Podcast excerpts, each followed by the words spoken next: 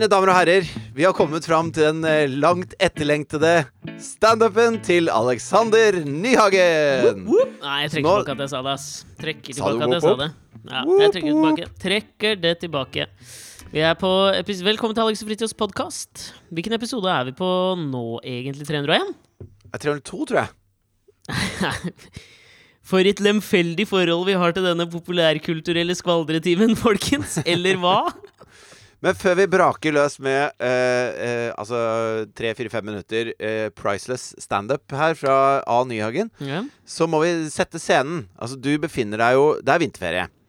Ja, for noen, er noe for noen er det det. Ja, men det var det jeg skulle si, at vinterferie er noe småbarnsforeldre driver med. Alle andre merker ikke noe til vinterferien.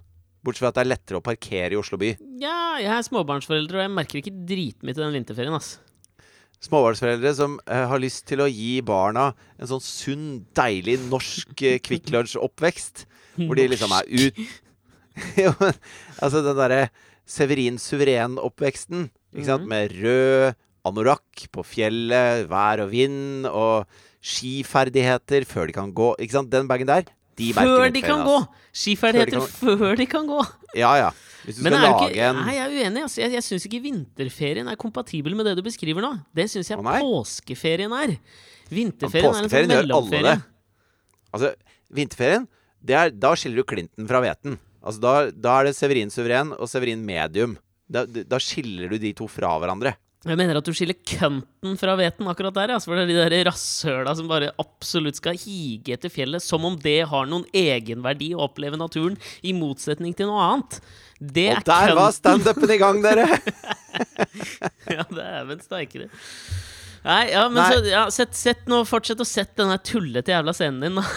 Ja, så jeg befinner meg på en hytte med Vi er tre par, Mm. hvor hver av de har 27 barn. Og minimalt er- med ansvar når det kommer til jobb. Man kan gå fra jobben sin, Fordi det betyr egentlig ikke noe, det dere driver med. Nei, det betyr ingenting. Eh, så, vi, så det er bare unger og snø. Mhm. Eh, og så har jeg nå rigga meg til inne på et sånt lite soverom med fire køyesenger, hvor jeg har funnet et eh, sånn, eh, slags campingbord, sånn klappbord, i boden ute. Mm. Og en klappstol, og er nå klar til podkastering. Ja, du Og Alexander er på det, jobb. da. Ja, så er jo jeg fortsatt eh, på jobb. Det er jo Jeg, jeg, jeg vil si jeg er tolv minutter unna egentlig å være ferdig på jobb. Eh, men her koker jo fortsatt. Eh, medieverdenen venter da ikke på at eh, noen små drittunger skal ha noe ferie her og der, så det må de faen meg lære seg å tåle, tenker jeg. Det er litt sånn. Altså, du, det er litt nå, Bare for å ta liksom, I forlengelsen av standup og at drittunger må tåle ting, fikk du med deg hele denne debatten som Sigrid Bonde Tusvik meldte seg på i rundt uh, revyene i Oslo? Fy faen, snakk om å være late news, da. Men allikevel. Det dette, er er viktig jo, å dette er jo gammelt nytt. Ja, men det er viktig å fordøye nyhetene, og nå har jeg fordøyd den nyheten. Fordi jeg tenker ryggmargsrefleksen min vil jo si at jeg ville være enig med det saken som er som følger at uh, Aftenposten hvert år anmelder russerevyene i Oslo. Ja. Og det gir dem også terningkast fra én til fem, vel? Og, eller seks. Ja, det er vel En til seks, vil jeg anta. ja da. Eller tenker du på sånne rollespillterninger som er sånn oktanter og trekanter og sånn? Ja, men for faen, i Sverige har de jo til og med bier. Altså Hæ? gjetinger. Er vel Aftenbladet, Aftenbladet eller Ekspressen som har, har bier, eller veps, Ja, det stemmer det. Ja. Så jeg føler ikke at det er en sånn ja, Jeg tror gjeting er veps, altså.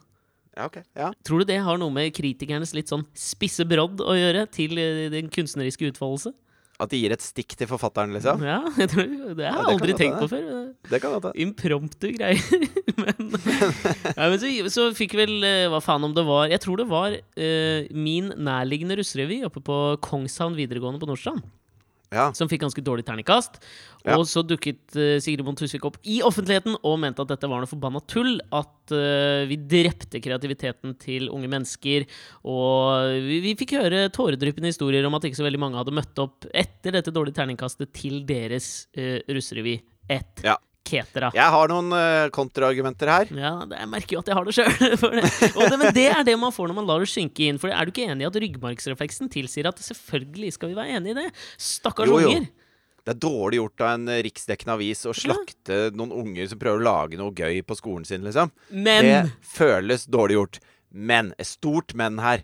For det første Altså, eh, det er russrevyene selv som vil at Aftenposten skal komme og anmelde det. Og Aftenposten har sagt vet du hva vi kan gjøre? Vi kan skrive eh, en anmeldelse om det som ikke har terningkast. Sånn at det er på en måte Dette var gøy, og det er mye god innsats og alt mulig sånn. Men de russerevyene de bruker Hæ? Har de, har de tilbudt seg det? Ja, de har snakket med russerevyen om det. Fordi at okay. det, det er ikke sånn at Aftenposten bare ah, 'Vi har ingenting å anmelde! Hva skal vi ta? Vi tar russerevyen på Nordstrand!' Mona Altså- Levin sitter og biter negler fordi hun er redd for jobben sin i Aftenposten. Ja, ikke sant? Det er ikke sånn det funker, da. Men russerevyene har blitt vant til dette her, sånn at de vil ha det terningkastet. Sånn at de aktivt kan bruke det i markedsføringen. Så russerevyene har sagt at nei, vi må ha terningkast. Og hvis en avis som Aftenposten skal gi et terningkast, så må, det, eh, så må de tenke på de som kjøper avisa, ikke på de som har laget det de anmelder. Selv om det er en russerevy. For ellers så, det ellers så må de drite i det. Så valget er enten så anmelder du, eller så anmelder du ikke. Ja, ja jeg, jeg er for så vidt enig i det, men jeg syns på egentlig ikke det er det sterkeste argumentet her. I utgangspunktet så kan du vel kalle jævla mye av den kritikerjournalistikken som blir utøvd i dag, forbrukerjournalistikk. Og i forlengelsen av det så kunne jo sikkert eh, russerevyanmeldelser vært det samme. Men jeg syns jo poenget her er jo at dette her er voksne mennesker som kan kjøre bil, drikke øl. I hvert fall noen av dem, da. Eh, og De er ikke så gode på å kjøre bil liksom. eller å drikke øl. Nei, men de, de fleste er vel over 18 år som er med i de revyene. Antar jeg. Nei, for faen, Mm. Det kan jo sikkert være helt ned i 16-17 år. Men uansett så presenterer de et tilbud i offentligheten som noen må betale penger for å komme og se.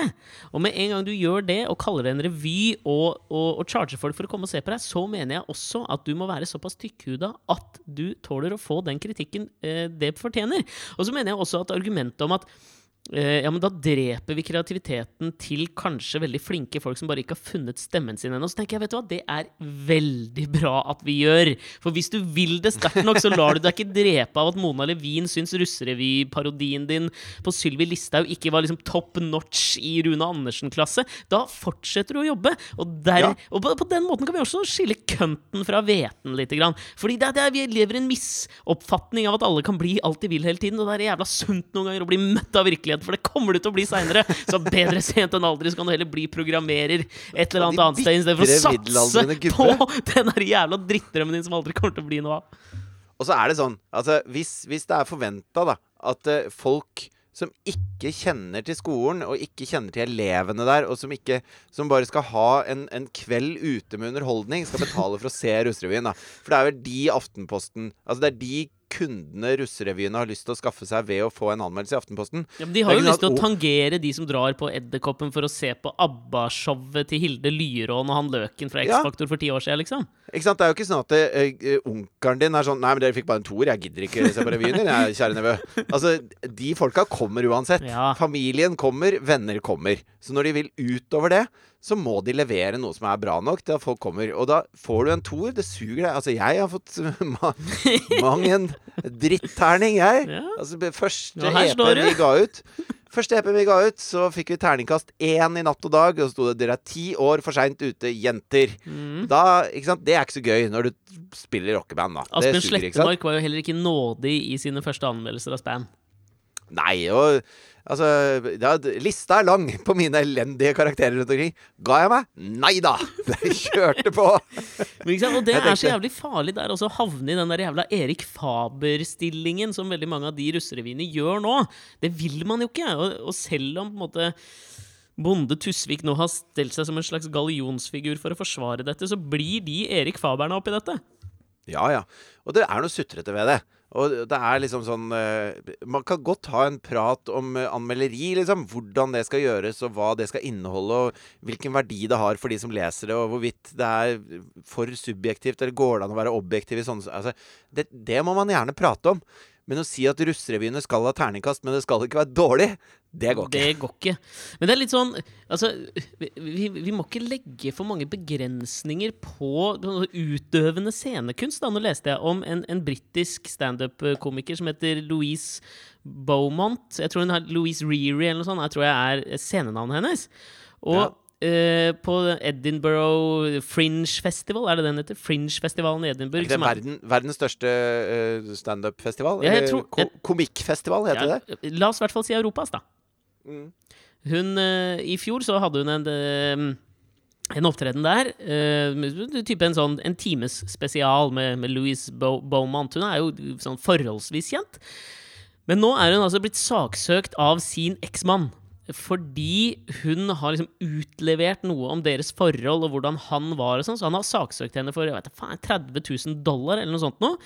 Ja. For ehm, Da må det ha skjedd noe, tenker jeg. Da er det ikke bare sånn 'Å, du fortalte at jeg går med rosa underbukser', liksom. Altså, da, da er det noen greier. det. Da, da har det skjedd da, det, er det noe som svir, liksom. Altså, det er jo en eller annen Jeg tenker jo i utgangspunktet at det er en eller annen paper. Hun har vært utro eller et eller annet. Altså, han vil bare, han vil bare ta Hun fikk sofaen i oppgjøret, eller hva faen. jeg. Ja, Eller så er det noe av det hun forteller Altså Jeg vet ikke hva Katrine skulle fortalt om meg mot min vilje, som jeg tenkte var verdt at jeg skulle få 30 000 dollar. Altså bortimot 300 000 kroner. Nei, men se det omvendt fra da. Nå føler jeg at vi lever Du og jeg i hvert fall lever en rimelig sånn utleverende liv uke til uke. Men du kan vel se for deg hvis det hadde vært omvendt, da, så er det sikkert noe Katrine ville saksøkt deg for å si. Nei, er det? Nei, men uansett, da. Nå er jo i hvert fall hun saksøkt av eksmannen sin. Og, og denne saken går til retten nå. Og hun mener jo at hun kommer til å bli eh, Altså, hun går eh, konkurs hvis hun taper rettssaken, men jeg tenker i utgangspunktet at det ikke er det verste som skjer. Altså, det verste som skjer eh, Altså Man vet vel at én av dem går konkurs. Konkurs, faktisk. Og det er vel egentlig det verste som skjer. At i det øyeblikket de har starta ned den ruta der, så selv om man saksøker henne for 30 000 dollar Uansett hvem som vinner, så er det saksomkostninger som sikkert er ut av hvitøyet. Sånn at én en av dem har tapt allerede. Ja, hun startet en sånn crowdfunding-side på nettet hvor hun, skulle, hvor hun skulle samle inn penger for å, for å få råd til advokatutgiftene sine. Og den har jo generert jævlig mye penger, med rette. For jeg mener at det, det verste utfallet av dette her vil jo være å skape en slags presedens om at det fins noen slags tabuområder for hva standup-komikere eller sceneutøvere av, noe form da, kan prate om eller ikke. Spesielt standup, siden det er liksom der vi er inne i, i dag, føler jeg. I vår, vår modus operandi for 301 eller 302 eller hva faen for en episode det er, er standup.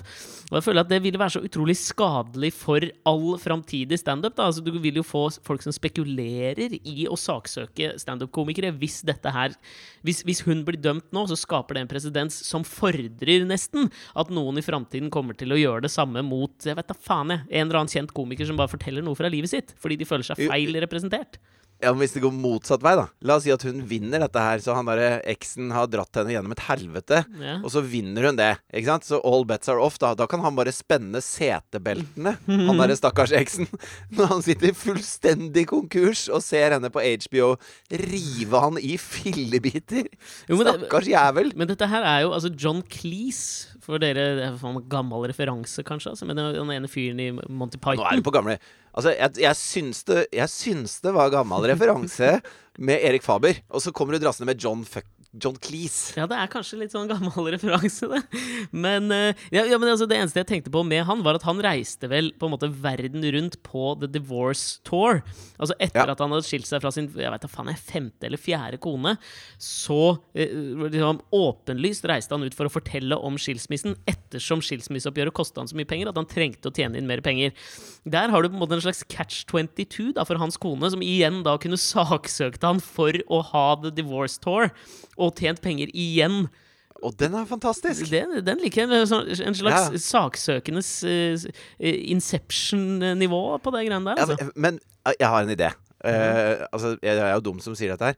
Men Magnus Carlsen har jo gitt ut en sånn app, ikke sant? En Nei. sånn sjakk-app. Nei, har han det? Ja, ja. Hvor du kan spille det vet du hva? mot Kan jeg bare si Det overrasker meg at det kommer så sent. Ja, den har vært ute en stund, da. Ja, Men ok. eh, Late eh, news. Nå er det Ja, men ikke sant. Eh, Dette er uh, for, ja, av, den, av den, akkurat den greia du drar opp her nå. For tenk deg hvis du Fordi i den sjakkappen da Så kan du spille mot Magnus Carlsen han er fem år, eller seks år, eller syv det år. er den, ja. Eller, eller i dag, ikke sant? Grisebra, ikke sant? Råbra. Dritbra! Verdensmester. Mm. Så tenkte jeg, hvis jeg tar uh, den appen og starter et nytt spill mot uh, Magnus Carlsen i gåseøynene. Mm. og så går jeg inn på Betson eller en sånn side som har sjakk-app, ikke sant, Mm. og så, si, så lar jeg han andre duden starte. Ikke sant? Jeg passer på at jeg ikke starter. Okay. Og så flytter da eh, Da er han hvit, ikke sant? Så flytter han en bonde fram. Og så går jeg over på, på mobilen min, så har jeg da den sjakkappen. Så flytter jeg akkurat det samme trekket som han gjør. Og så ser jeg hva Magnus Carlsen i dag hadde gjort mot han. Og så gjør jeg det mot han.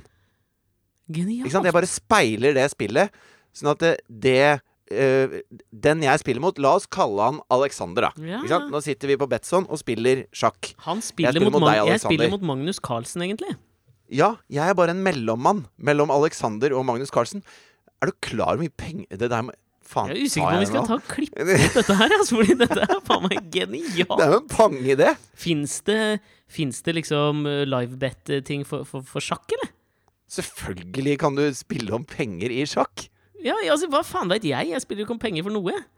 Du kan jo spille om penger du, du kan jo vedde på hva som helst. Selvfølgelig kan du spille sjakk om penger. Det er mulig at vi må klippe ut dette her av podkasten og gjøre dette som en slags levebrød istedenfor. Altså. Men, men inntil videre, la oss eh, tro at dette holder, eh, holder stand. La oss bare si, la oss bare si at eh, dere, dere utvalgte som lytter på denne podkasten, vær så god. Men La oss bare raide sjakkverden. Inception-nivå 2.0 er jo da Er at at jeg treffer en lytter av podkasten som Magnus Carlsen spiller mot Magnus Carlsen via oss to. stråmannssjakk Det er jo helt nydelig, altså. Men jeg, hvis vi, jeg må bare dra videre på dette at jeg, jeg, jeg satt jo i En ting går til om John Cleese, bare før vi går videre. ja. John, John Cleese, gift fem ganger og sånn. Altså, Min gode jeg tenker- busse John Cleese, du vet at jeg kjenner han? gode busse. Ja, jeg, jeg, har hatt, eh, jeg har hatt en ettermiddag en kveld med John Cleese, jeg. Du har en relasjon. Ja, absolutt. Jeg lurer på om jeg dratt okay. det før for 250 episoder siden, kanskje. Men John Cleese var jo gjest i Senkveld en gang. Ja, det stemmer det. Nå husker jeg det. Drit i det. Det var ikke noe gøy. Nei, det, det var rimelig rått, da. Jeg har et herlig bilde av John som putter fingeren i øret, som gir meg en wet Hva heter det for noe? Wet Willy, eller hva faen? Når du slikker på fingeren din og gir noen det i øret. Han og jeg fikk en jævlig god tone, ass. Så hyggelig for dere. Tusen hjertelig. Men- Fortsett. Jo, det jeg tenker på med John Cleese som er gift fem ganger Altså, de, jeg, jeg, jeg tenker at de som gifter seg fem ganger ja, men jeg, jeg veit jo ikke om han har vært gift fem ganger, da. Men han har vært gift eh, Kanskje ikke fem ganger, men mange ganger. Det har vært mye greier med han og damer. Mm, Ja, det har det jo. Ja, og, Men det, det syns jeg er veldig rart, fordi at det, de folka som eh, Altså, han slår meg ikke som en sånn en sånn fyr som bare er så, Som er ute Han er Jeg kan ikke se for meg han på sjekkeren. Rico? Suave John Cleese. Ikke jeg heller. Nei, og, og det har ikke noe med om han er kjekk eller playboy å gjøre. eller sånn Altså, Jeg ser for meg at uh, Steve Bannon, for eksempel, kåt som faen. Han går rundt og bare åh! Ikke sant? Harvey Mm. Weinstein er kåt som et helvete. Har lyst på alt som beveger seg i rommet. Ja. Men John Cleese er liksom det motsatte. Jo, men det, det, Jeg syns det er så rart at han har drevet og hatt så mange koder Jeg syns det er rart. Han kler det ikke. Nei, men Jeg er helt enig, men det, jeg tror det handler om blikket. For du kan se på noen menn om de har det der predatoraktige blikket. Du har ikke det. Jeg har det. Når vi skulle i bakken i dag, Mm. så kjørte vi eh, Og så er det jo alltid sånn derre eh, Konteineren er litt l- unna hytta, ikke sant? Så vi hadde med søppel også på vei til bakken, da. Og så uh, har Katrine fått seg en sånn derre hvit uh, uh, jakke som sitter ganske tett. Selvfølgelig Ja, har og hun så det. Sånn lekker skibukse, ikke Hun er, hun er Så- opptatt av hvordan hun tar seg ut i bakken. Ja, ja. Ja. Altså nå, nå var det sånn Hun har jo hatt trøbbel med ankelen sin og sånn lenge, mm. som jeg sikkert har fortalt om til det kjedsommelige i podkasten. Men det begynner å bli ganske bra nå, så i dag i bakken så fant hun ut at uh, dette kan gå, liksom. Jeg kan begynne å stå på slalåm igjen. Mhm. Og da satt hun uh, i bilen på vei hjem, så sa hun De uh, slalåmbrillene jeg kjøpte i fjor, de holder ikke nå. For nå nå, jeg, nå, jeg skal ha noe jævlig fett. Det må være Gucci eller et eller annet sånt. Lage Gucci slalåmbriller. Sikkert, ikke sant? Selvfølgelig gjør de det. Og de er sikkert dritdårlige, altså. Ja, de er sikkert dritdyre, er vel det første jeg tenker om Gucci sine slalåmbriller. Selvfølgelig er de grisedyre. Det er det eneste de har for seg. Det er sikkert ikke noen gode briller. Nei, for, nei, helt sikkert ikke. Men i hvert fall så øh, øh, har vi med søpla. Og så går Katrine ut med søpla, og da er det en søppelbil der som holder på å tømme. Og så er det en sånn øh, Vi er på Trysil, og en sånn typisk sånn Trysil-Knut som Sånn øh, staut fyr, Hva kanskje er 60 eller noe egentlig en sånt. Trysil-Knut? Jeg veit ikke. Jeg, bare, er det jeg vet at det er noe. Jeg bare nikker med hver gang noen sier Trysil-Knut. Så har jeg egentlig aldri Ja, skjønt det er hva noe. det er for noe. jeg tenker at halvparten av de som bor på Trysil, heter Knut eller noe sånt. Jeg er med fare for å være en sånn Oslo-dust eller hva faen er det, liksom? Nei, han er bare en sånn, sånn godslig fjellfyr. Kanskje, da. Ja, ok. Ja, så han står da og skal til å tømme denne containeren. Så kommer Katrine og kaster i søppelposene. Og så ser jeg at han, eh, da når hun er på vei tilbake mot bilen, så sitter jeg i bilen, og så ser jeg at han bare liksom spaner eh, rumpa hennes og liksom oh, og, og tenker seg Altså, det er så rart å se det sånn. Eh, Og jeg humrer litt av det. Jeg syns det er gøy. Eh, eh, ja, men dette er veldig gøy. Katrine er på mange måter for Trysil det hun Elizabeth Swaney eh, var for OL, eh, eh, altså halfpipe på ski. Eh, har du fått med deg dette her? Hun, Nei. altså Elizabeth Swaney, i utgangspunktet eh, amerikaner, eh, med ungarsk far, tror jeg det er. Eh, På et eller annet tidspunkt i sin karriere så, så runna hun for eh, guvernør i California, men tapte selvfølgelig mot Arnold Schwarzenegger. Hun er en Ja. sånn smart dame som er ut, uh, utdannet fra Harvard, et Ivy League-universitet, har en high-powered Og så job. står hun Og så er hun med i OL på Ja, men, ja, men hør nå, fordi dette her okay. synes jeg er fascinerende. For dette her er på en måte det Katrine streber etter i bakken. Er det Elizabeth Swaney strever etter på et eller annet nivå i yrkeslivet. Da. Så hun på en måte driver og samler meritter. Altså Hun er Ja. utdannet fra Harvard, har runna for office. Eh, og eh, så hadde hun lyst til å ha på CV-en sin eh, at hun var Olympian. Fordi det ser okay. jævlig bra ut på CV-en i USA. Men hun suger jo på ski! Altså Hun er jo så ræva på ski at det var jo ikke snakk om. Hun prøvde jo først, først Hun er sånn Eddie the Eagle-greie. Ja, men da kommer du ikke inn på laget engang i USA. Så hun Nei. utnyttet da sitt ungarske delte statsborgerskap. Og Ja. greia der er at eh, hvis du skal komme til OL, så må du i løpet av flere World Cup-konkurranser i løpet av året bevise at du kommer blant de 30 beste for å komme i OL. Nå Ja. er det lille problemet i kvinners halfpipe-konkurranse på ski er jo at det er jo maks 28 stykker med i hver World Cup-konkurranse. Så hun deltok oh, ja. i tre stykker, hun. Kvalifiserte til OL, kjørte for Ungarn. Og nå så jeg runnet hennes, og det er det mest fantastiske jeg har sett. Altså, det er jo så å pisse på hele den olympiske ånd, for det hun gjorde, var at hun måtte jo bare gjennomføre runnet sitt for å kunne kalle seg en olympian, altså sånn få en plassering, Ja, ikke sant? Ja, Så hun gjorde var at hun bare kjørte nedover halfpipen og bare hoppet opp på hver side. Gjorde ikke et eneste triks. Det var jo så vidt hun klarte å stå. Så hun kjørte altså rett ned og gjorde men dette her. Og bare Nå har hun det på CV-en. Olympien. Det Ja. er det Katrine gjør i bakken med klær.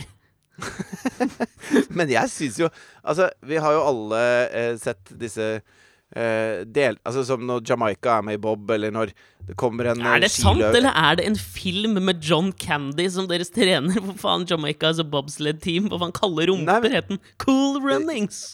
Ja, men det er, jeg, jeg tror Cool Runnings er laget på en sann historie. Ja, det om det at Jamaica sikkert. lagde et boblag. Ja. Eh, så det er mulig jeg tar feil, men, jeg, Nei, men jeg- jeg- i mitt jeg- hode har det alltid vært sånn. Ja, men jeg er tilbøyelig til å være enig i det, altså.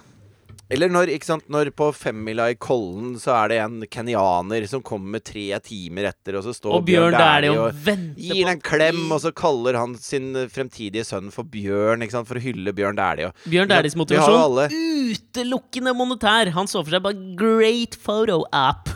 La meg stå og Ja, vente altså- på han kenyaneren, så jeg kan selge enda litt mer Dæhlie-klær fordi jeg også er sympatisk. Fy Ja, faen! men, så jævlig altså, Bjørn Dæhlie har forandra seg i huet mitt det siste året. Men vi trenger ikke gå inn på Bjørn Dæhlie igjen.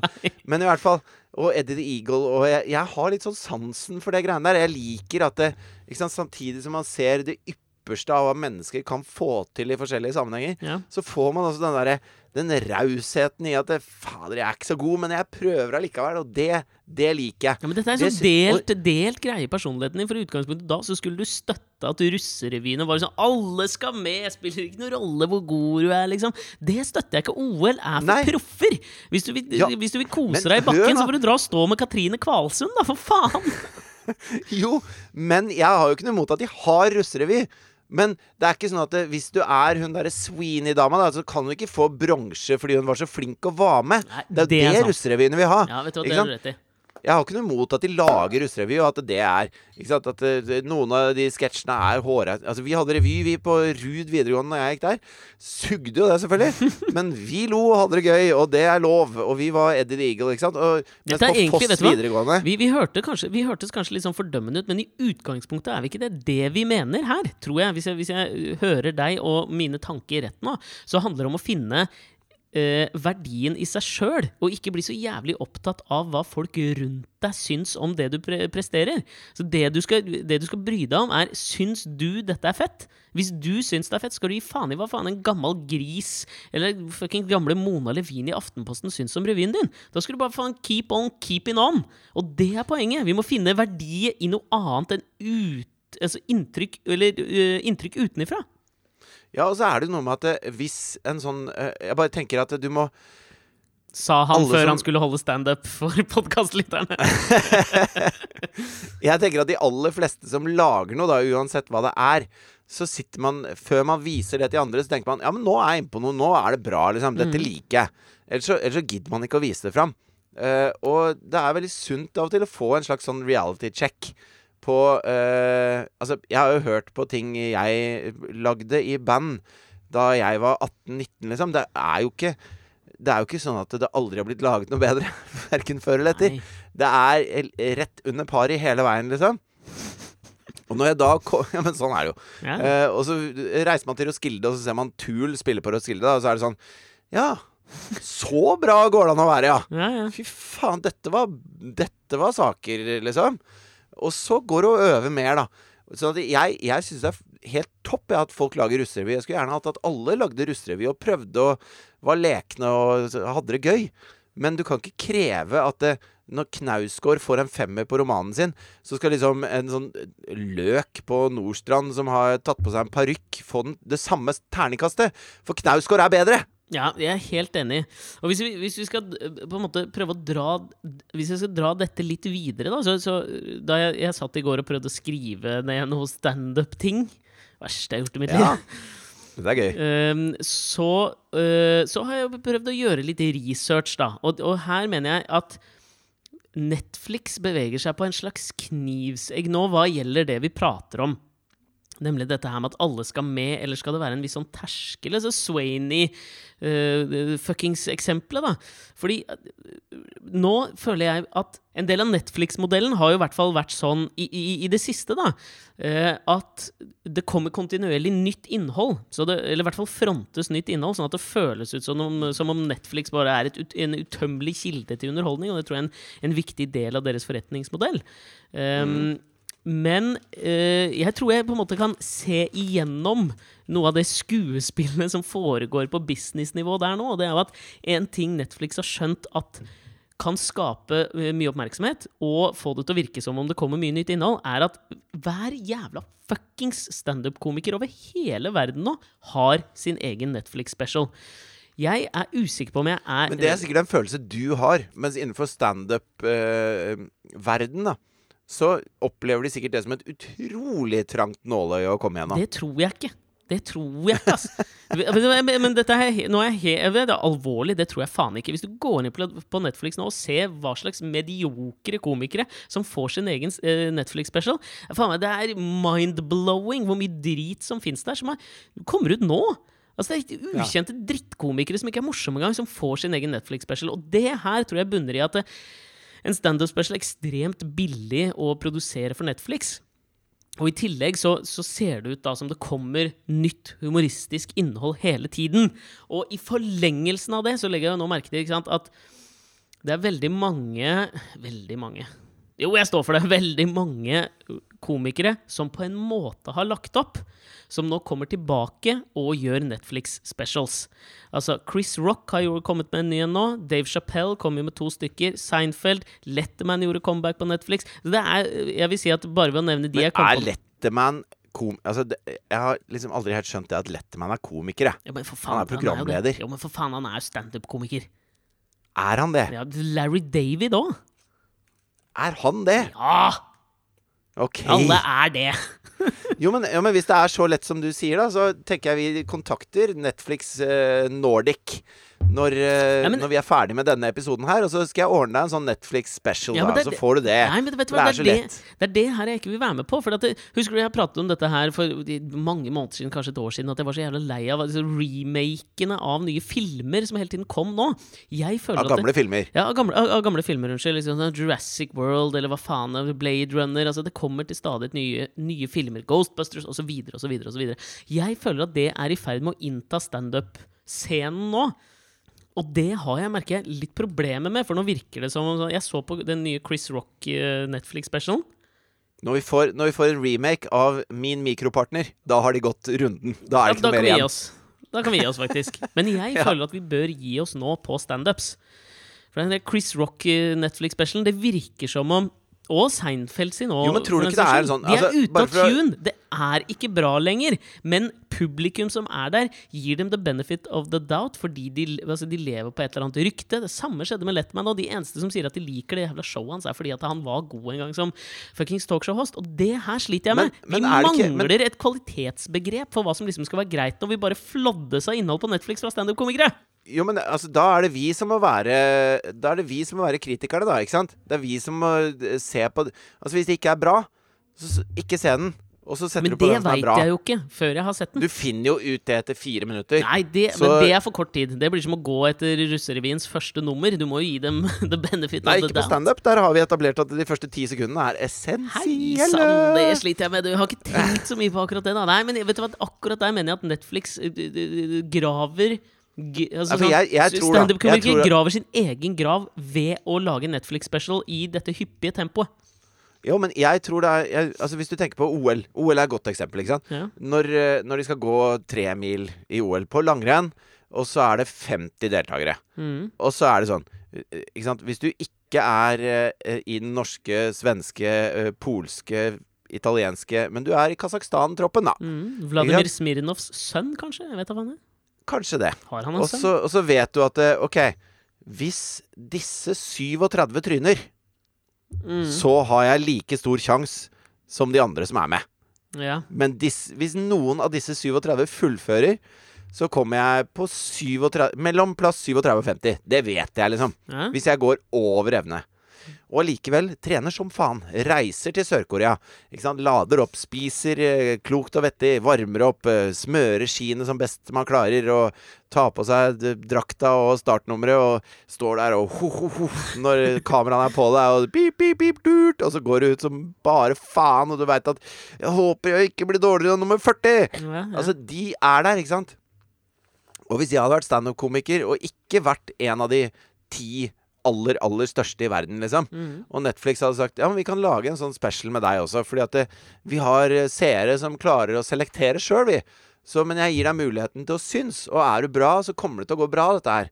Da får du flere og flere, og det genererer at du kommer høyere på listene, og flere og flere får deg opp som forslag, og ikke sant? Da, da ruller det for deg. Og så tenker du ja, jeg gønner på med det. Jeg ser ikke noe feil i det. Det er akkurat det samme som at eh, russerevy- Du må gjerne lage russerevyer eh, på alle, alle videregående skoler i hele Norge. Må gjerne lage russerevy. Men alle kan ikke alltid være like bra. Og alle kan ikke alltid få like mye skryt. Men mamma og pappa og onkelen din kommer til å like den revyen. Ja, det, og dette er jeg jo enig i. Men det er her jeg mener Netflix istedenfor å fungere som Sigrid Bonde Tusvik, så bør de fungere litt som Aftenposten. De, altså, alle fortjener ikke en sjanse. Sorry, Mac! Sånn funker ikke verden. Du syr puter under arma på standup-komikere når det blir for lett å få en special på Netflix. Det vil si at jeg tror kvaliteten synker i lengden. For jeg tror du, du blir liksom sånn Å ja, det har gjort til nå var godt nok. ok, da kan jeg bare fortsette i denne jævla drittralten jeg holder på med, og det støtter jeg ikke. Vi må noen, begynne begynne å stille litt mer krav til folk. Jeg syns det er så deilig at dette er det du sitter og sier rett før du skal ha din egen standup, hvor du bare er så drittlei at det er så jævlig mange dårlige standup-folk, og Netflix special og suger, og fy faen. Og nå er det din tur, Alexander Nyhagen. Nå syns jeg vi skal gjøre det. Jeg trenger at vi gjør det nå. ja.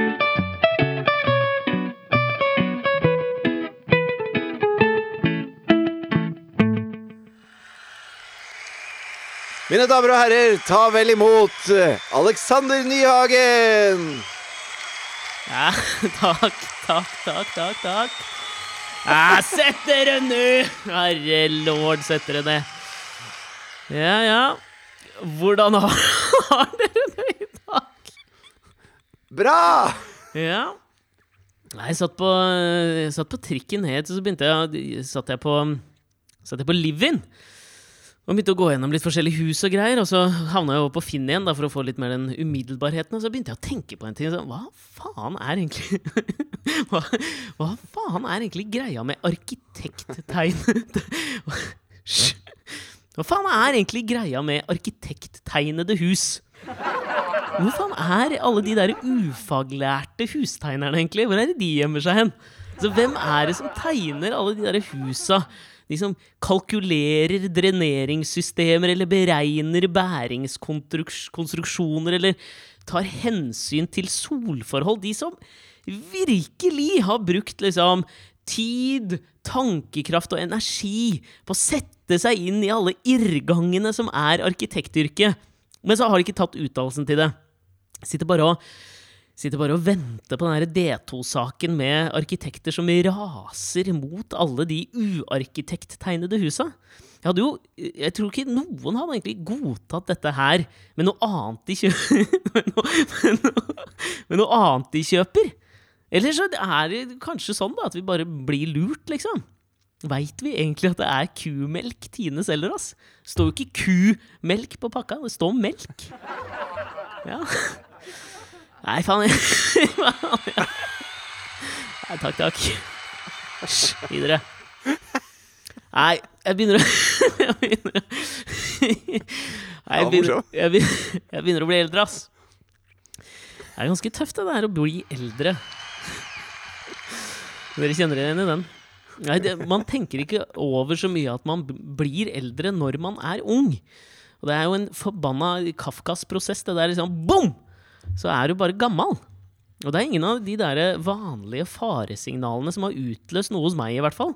Jeg merker det spesielt godt når jeg er ute blant folk. Eksempel når jeg gjør noe av det jeg er liksom aller mest glad i i livet, og det er jo å gå på restaurant. Det er jo et jævla mareritt for en sånn nygammal stakkar som meg. skal, skal, skal, skal vi ta litt applaus der jeg føler det bør være. Skal vi ta litt vin til maten? Ja, ja, ja, det gjør vi. Så kommer servitøren med vinen. Og så starter det et sånt maktovergripende skuespill som jeg, ikke, som jeg ikke klarer å kjøpe lenger, som en sånn nygammal fyr. Det er sånn den første hellingen hvor, hvor, servitøren bare heller bitte lite grann oppi glasset ditt. Og så, og, så, og så, spør de alltid ja, hvem, hvem vil smake på den. Det er jo alltid det er jo et forbanna jævlig spørsmål. Jeg gidder ikke det der lenger.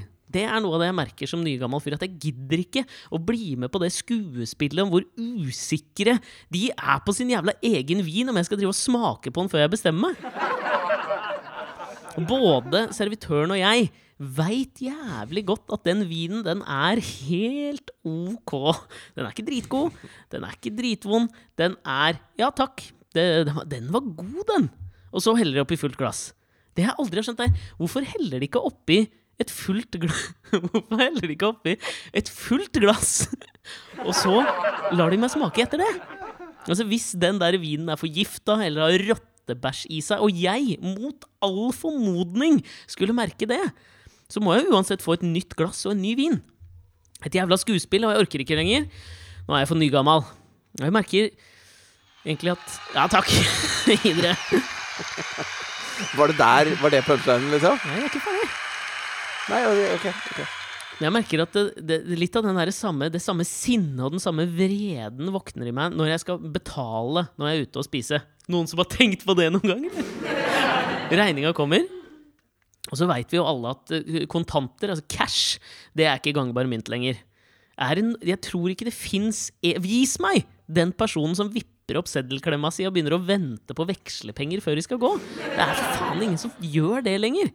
Så nå har jeg begynt å ta fysisk tak i de der forbanna fascistservitørene når de legger regninga på bordet og snur seg og går tror de at skal skje de der ti minuttene med ventetid mellom at regningen kommer på bordet, og at de snur seg og går og kommer tilbake senere? Altså, tror de, Skal jeg begynne å vurdere om maten virkelig sånn var verdt de penga, eller vil de at det skal bli pinligere og pinligere? Liksom, hvem skal ta den regningen? Nygamle meg gidder ikke det greiene der lenger. Jeg er helt ferdig med det. Skal avslutte med en liten punchline til dere, folkens. Dere har vært utrolig kult eh, publikum. Uh, og det er en liten vits som jeg lærte av bestefaren min. Hvorfor slipper ikke arkitekter inn i himmelen? Når jeg sier bestefaren min, nå blir det bare kommentarspor her. Prøvde å finne på sjøl. Hvorfor slipper ikke arkitekter inn i himmelen, da? Vi, vi vet ikke! Fordi Jesus var snekker. Tusen takk for meg! Jeg heter Alexander Nyhagen. Jeg er her på Klubbscenen på Latter hver eneste torsdag mellom seks og sju. Kos dere videre. Nå kommer Ørjan Burøe. Kveldens main act. Gi han en stor applaus!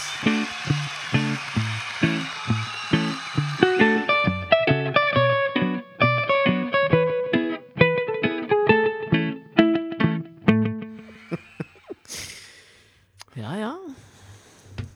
Altså, man lærer noe av alt man gjør, føler jeg. nå, nå skal jeg bare eh, eh, Altså, det var ja, ikke spesielt bra, bra jobba, Det var Alexander. ikke spesielt morsomt. Jeg vet ikke om det er et krav for Nei, det standup.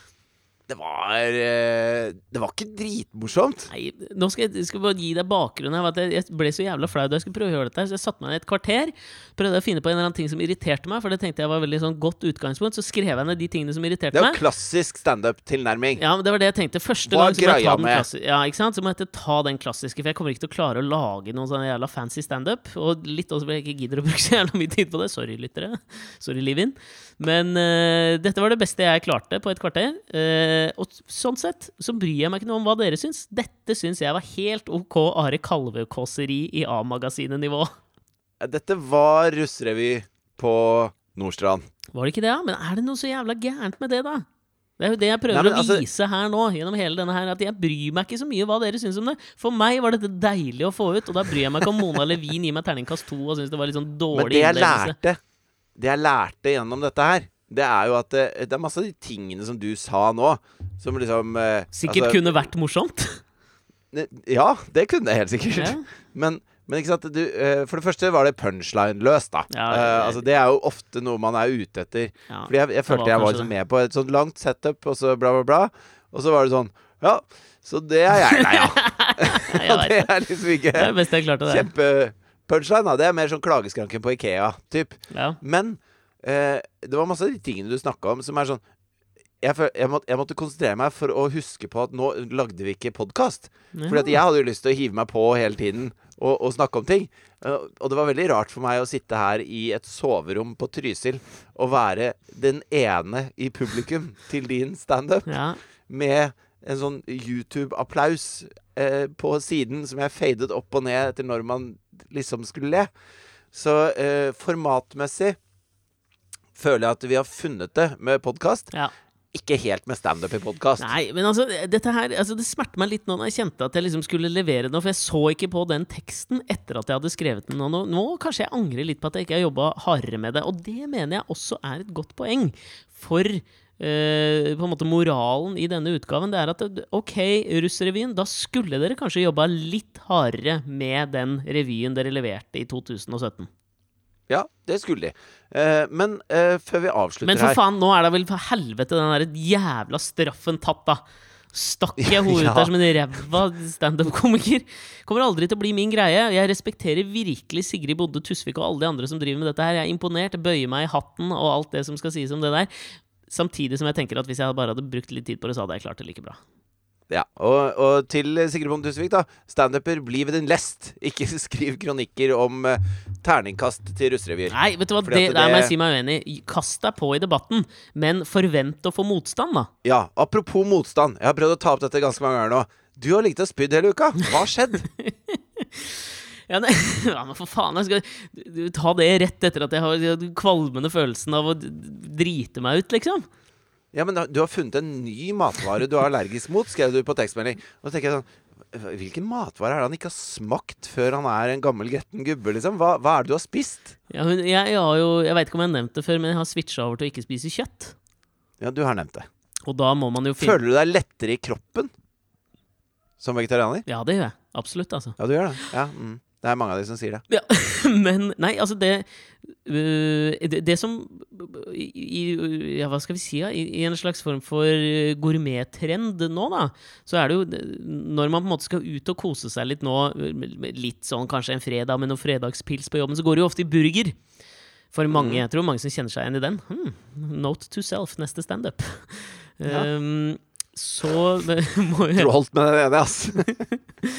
Ja, men da har Ikke for å rive ned drømmer, ikke for å være en slags Aftenposten på din russerevy her nå, men jeg tror du holdt med den, jeg. Ja, du kommer aldri til å rive ned den drømmen. Dette kommer jeg til å fortsette med. Men eh, da har jeg måttet lete etter alternativene til denne saftige burgeren. Og da har jeg prøvd mye forskjellige sånne veggisburgere. Og mye av det jeg havna på da, eller det som jeg på en måte har havnet på etter å ha testa mye, som jeg mener på en måte nærmer seg øh, kjøtt mest og smaker best, det er soyaburgere.